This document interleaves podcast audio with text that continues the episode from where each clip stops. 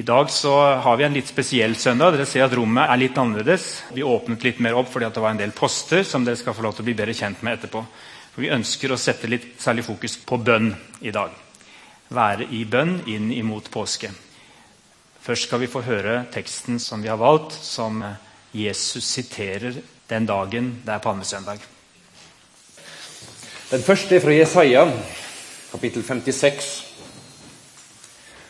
Og de framande, altså oss, som har slutta seg til Herren, og som vil gjøre tjeneste for Han, og elske Herrens navn og være Hans tjenere, alle som holder sabbaten og ikke vanhelger Han, men held fast ved mi pakt, de fører jeg til mitt hellige fjell, og let dei glede seg i mitt bønehus.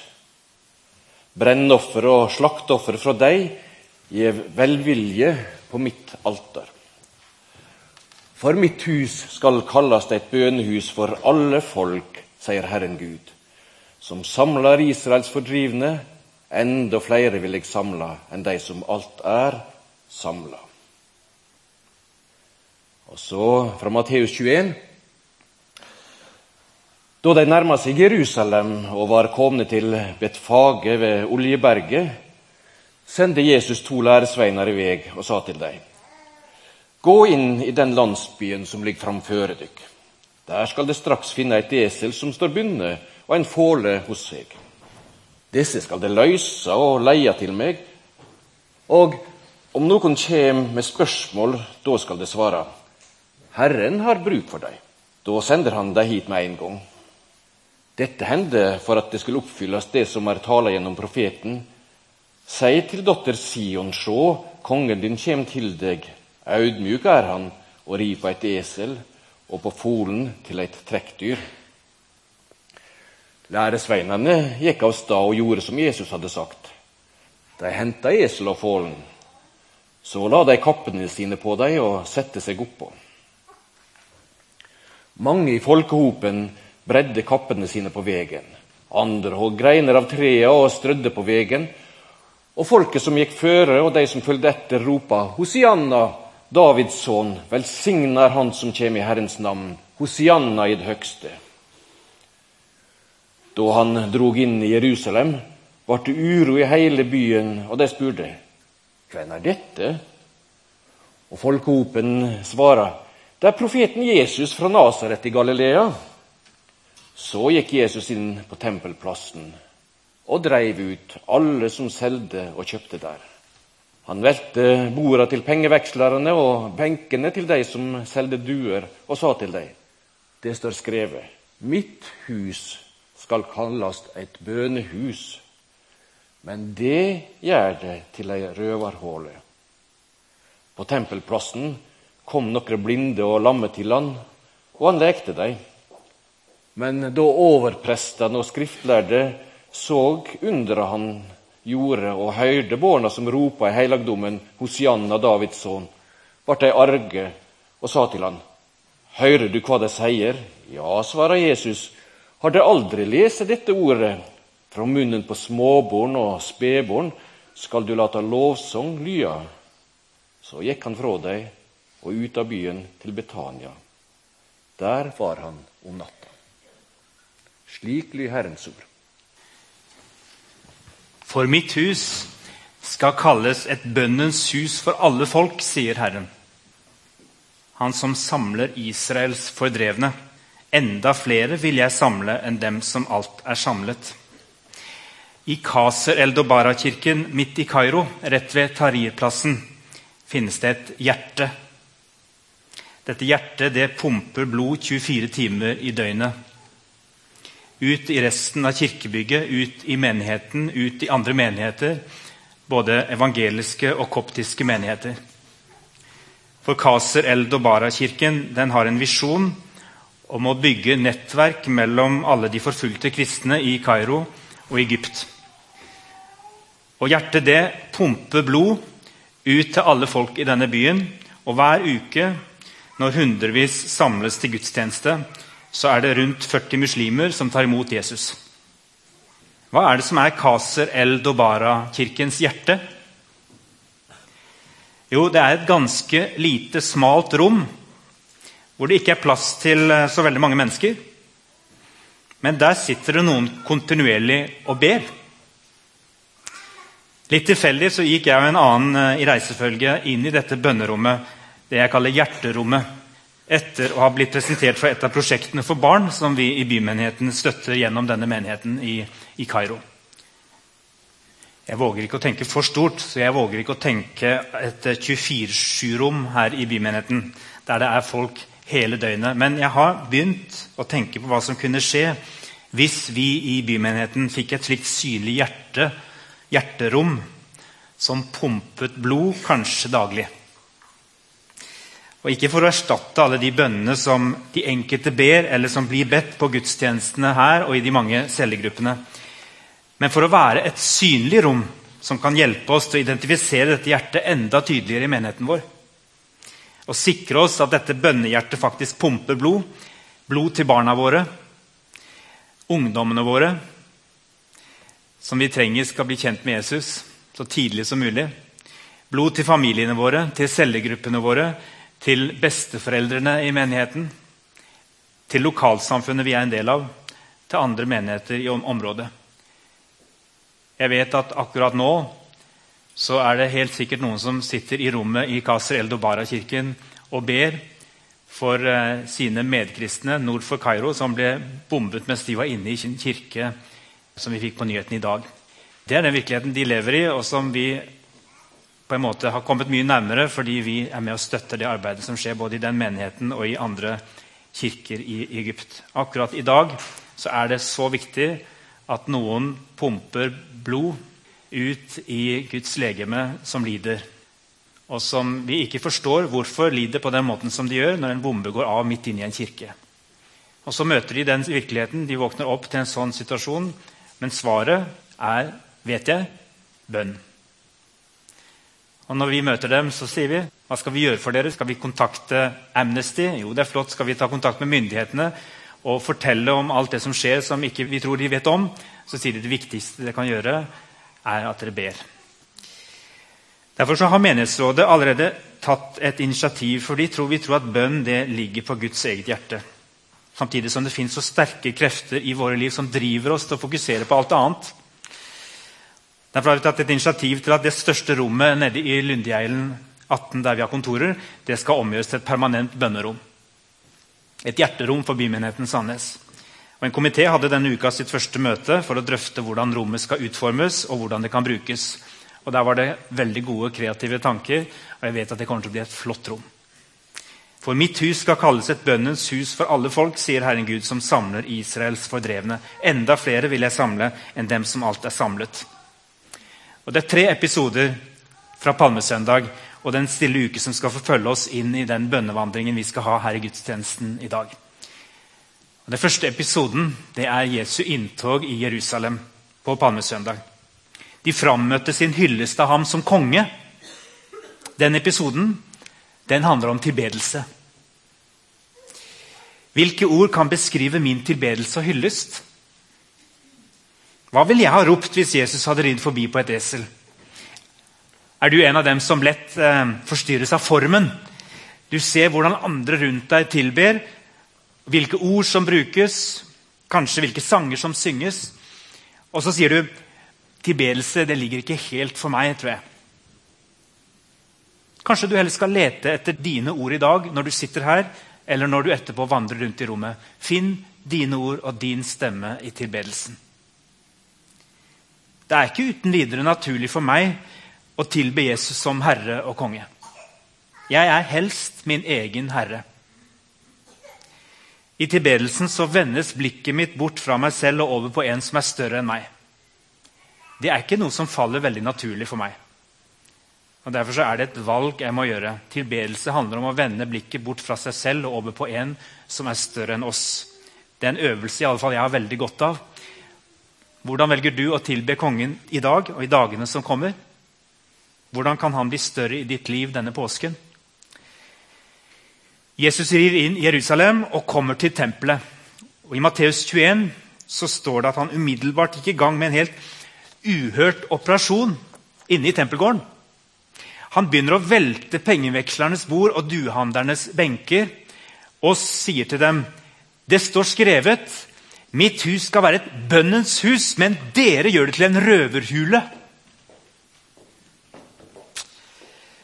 En erfaren åndelig veileder han minnet meg om denne teksten for noen år siden.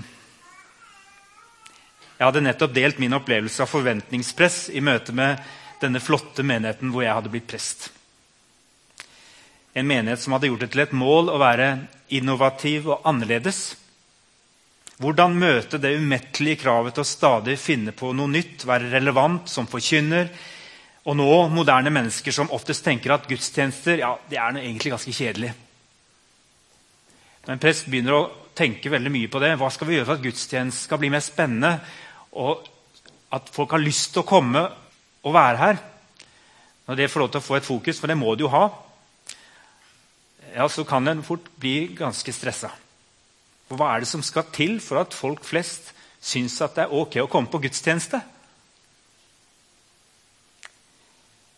Ja, for Det har jo lett for å bli litt forutsigbart og kjedelig.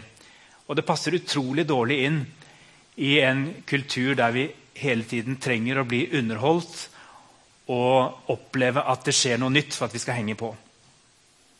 Det er ikke noe galt i å være nytenkende og relevant i og for seg. Men for meg var disse verdiene i ferd med å kjøre tjenesten min i grøfta. Det har tatt tid for meg å ta inn over meg den åndelige veilederens alvorlige påminnelse. Er menigheten vår et bønnens hus før noe annet? Eller forsvinner det aller viktigste i jaget etter å treffe tidens behov? Hender det at vi står i fare for å gjøre kirka til en, en markedsplass og nåden til et produkt som vi heseblesende skal få til å konkurrere med alt det andre på selvhjelpsmarkedet? Jeg opplever at denne menigheten vår har så mange kvaliteter den er så solid og grunnfesta at det går an å stille sånne spørsmål uten at det behøver å være farlig og ødeleggende for fellesskapet. Snarere tvert imot. Jeg tror tempelet vårt skal tåle litt velting av bord fra tid til annen uten at veggene kommer til å falle ned av den grunn. Det fyller meg med forventning både for vår menighet og det større kirkefellesskapet som vi er en del av. Og så er det den tredje episoden i den stille uka. Jesus som ber i Getsemane mens disiplene sover. Takk og lov at han er våken når vår dømmekraft er sløvet av mørkets krefter og kortsiktige egoistiske behov. Vi er der alle sammen. Takk og lov at han sa seg villig til å drikke vredens beger og lide på korset for vår unnfallenhet og våre feilgrep. Derfor ser dere også at det er et kors der borte som en kan gå bort til og legge steiner ved som symbolsk uttrykk for våre byrder seinere i bønnevandringen. Men når vi nå på nytt også besøker Getsemane sammen med disiplene til Jesus i denne stille uken, ja, da, da, kjenner vi fortsettelsen på historien. Vi vet at Jesus ikke forventer at vi skal gå i døden for andre mennesker. Det har han allerede gjort. Han har gått i døden for alle. Vi vet at han eh, har seiret over mørkets krefter. Skylden den er sonet en gang for alle. Derfor skal vi om et lite øyeblikk få gå bort til, eh, til, korset, som jeg sa. Men han inviterer oss også til den andre siden. Til et tre som symboliserer Getsemanehagen. Det er et naken tre. Jesus han ber oss om å våke og be med han der. Ikke for å sone for verdens synd, men fordi han ønsker at vi skal være der han er, og be sammen med han for det han har gjort, det han gjør, og det han skal gjøre. Be for dem som lider i vår verden. Be for dem som rammes av krig og terrorangrep. De som er blitt rammet i Stockholm, og de som nettopp er blitt rammet i Kairo. Be for dem som forfølges for hans skyld. Be for alle dem som ikke kjenner påskens budskap. Dere skal symbolsk få lov til å gjøre det ved å henge lapper, blader, opp på det treet. Hvis dere vil, kan dere skrive noe på de lappene, eller dere kan bare henge de opp og så fyller vi det treet med liv. Omtrent som om et tre som har vært i dvale, i vinterdvale og sovet, det skal våkne til nytt liv gjennom de bladene vi henger på det treet etterpå. Og så kan dere også få be for konkret, skrive lapper eller stå foran og, og bli minnet om andre bønneevner i vår egen menighet, barnearbeidet vårt, konfirmantene, også noen konkrete emner ellers i Egypt. Kan dere få tenne lys for noen dere kjenner der borte på den siden? Be for noe dere tenker på, noe som ligger dere på hjertet, ved å tenne et lys. Dere kan også skrive noen bønner og legge oppi postkassa som hilsener til Gud. der borte på den posten. Og Det er anledning også til å bli bedt for, enten ved at vi ber en fri bønn for dere, eller at vi bare lyser en enkel velsignelse. Som ofte er også veldig fint å bare gå bort, enten alene eller som ektepar, eller noen du er sammen med, og bli lyst velsignelse over. Det var en som sa forrige dagen Trenger vi å be mer for at liksom, ting skal begynne å skje i menigheten vår? Eller for at ting skal bli bedre? Er det det vi har å lære? For Vi hadde en sånn Egypt-kveld der dette var tema. og der vi kom frem til Det ja, det var noen som sa det, det betyr vel at vi må be mer. var det en som spurte om, Eller er det det som skal til? Og så tenkte jeg ja, trenger Gud at vi ber? Det er et veldig vanskelig spørsmål å svare på. Det er nesten som en egen bibeltime å granske det spørsmålet om Gud er avhengig av våre bønner. Jeg tror det beste svaret er å, å si at vi trenger å be. Vi trenger både tilbedelsen som jeg sa, for å få fokus vekk fra oss selv. Vi trenger å koble oss på Gud gjennom bønn, sånn at han kan betjene oss på ulike måter. Og så kaller han altså også til å være våkne i Getsemane og be for, for verden. Be for det han skal gjøre med verden. Og jeg vet ikke helt om han gjør det for, fordi han er avhengig av at vi holder oss våkne. Men det er nå engang sånn at vi er hans kropp hans kropp, oppstandelseslegeme. Da han dro herfra, så, så, gjorde han sin menighet til sin kropp. Og Det betyr at eh, vi må være kobla på hans hjerte og hans hjerteslag. Jeg tenker at det er det som skjer i bønn. At vi kobler oss på dette hjertet som pumper blod ut i den kroppen som vi er. Og slik blir vi med i hans misjon og hans tjeneste for denne verden. Det er aldri sånn at eh, vi gjør dette for å holde Gud i live. Men han inviterer oss til å være lemmer på hans kropp. Og vi holdes i live gjennom også bønnen som kristne. Og vi holder på mange måter også denne verden i live gjennom at vi ber om at Gud skal gjøre sitt verk i en lidende verden. Altså, mens vi er i Getsemane-hagen, så skal Else få lese et dikt som hun har laget for noen år siden, men som står seg veldig sterkt fortsatt i dag, og som passer å høre akkurat nå. Jeg har bare lyst til å ta dere med inn i Getsemane. Det er snart skjærtorsdag, og jeg har fått lov å være der i en opplevelse sammen med Jesus. Vær med meg i dette lille diktet. I den mørke, dunkle haven der i månens bleke skjær ligger det en mann i bønn. Roper, gråter. Smerten er så svær. Han har bedt sine disipler våke og stå med ham i hans bønn. Men i stillheten og mørket falt de alle tre i søvn. Mannen reiser seg fra bønnen Smerten er så stor. Han vil få de tre i tale, dele kampen, si noen ord. Men de sov. De våket ikke. Delte ikke smerten hans. Sover dere? spør han stille. Ikke sov, men våk og be, for i denne mørke natten ventet dere fristelse. Stille går han fra dem, sleper seg av sted. Inn i mørket, inn i haven, og der synker han på kne. Å, de ville ikke våke. Helt alene er han her. Far Min far, min far i himmelen, må jeg gå i døden inn? Må jeg gjennom alt som venter, skje din vilje, ikke min? Og han vrir seg i sin smerte, Angsten tar han. Svetten pipler. Den er rød av blod. Så til slutt en engel kommer, styrker ham og gir ham mot. La meg bli med inn i haven. Se din smerte, høre dine stønn.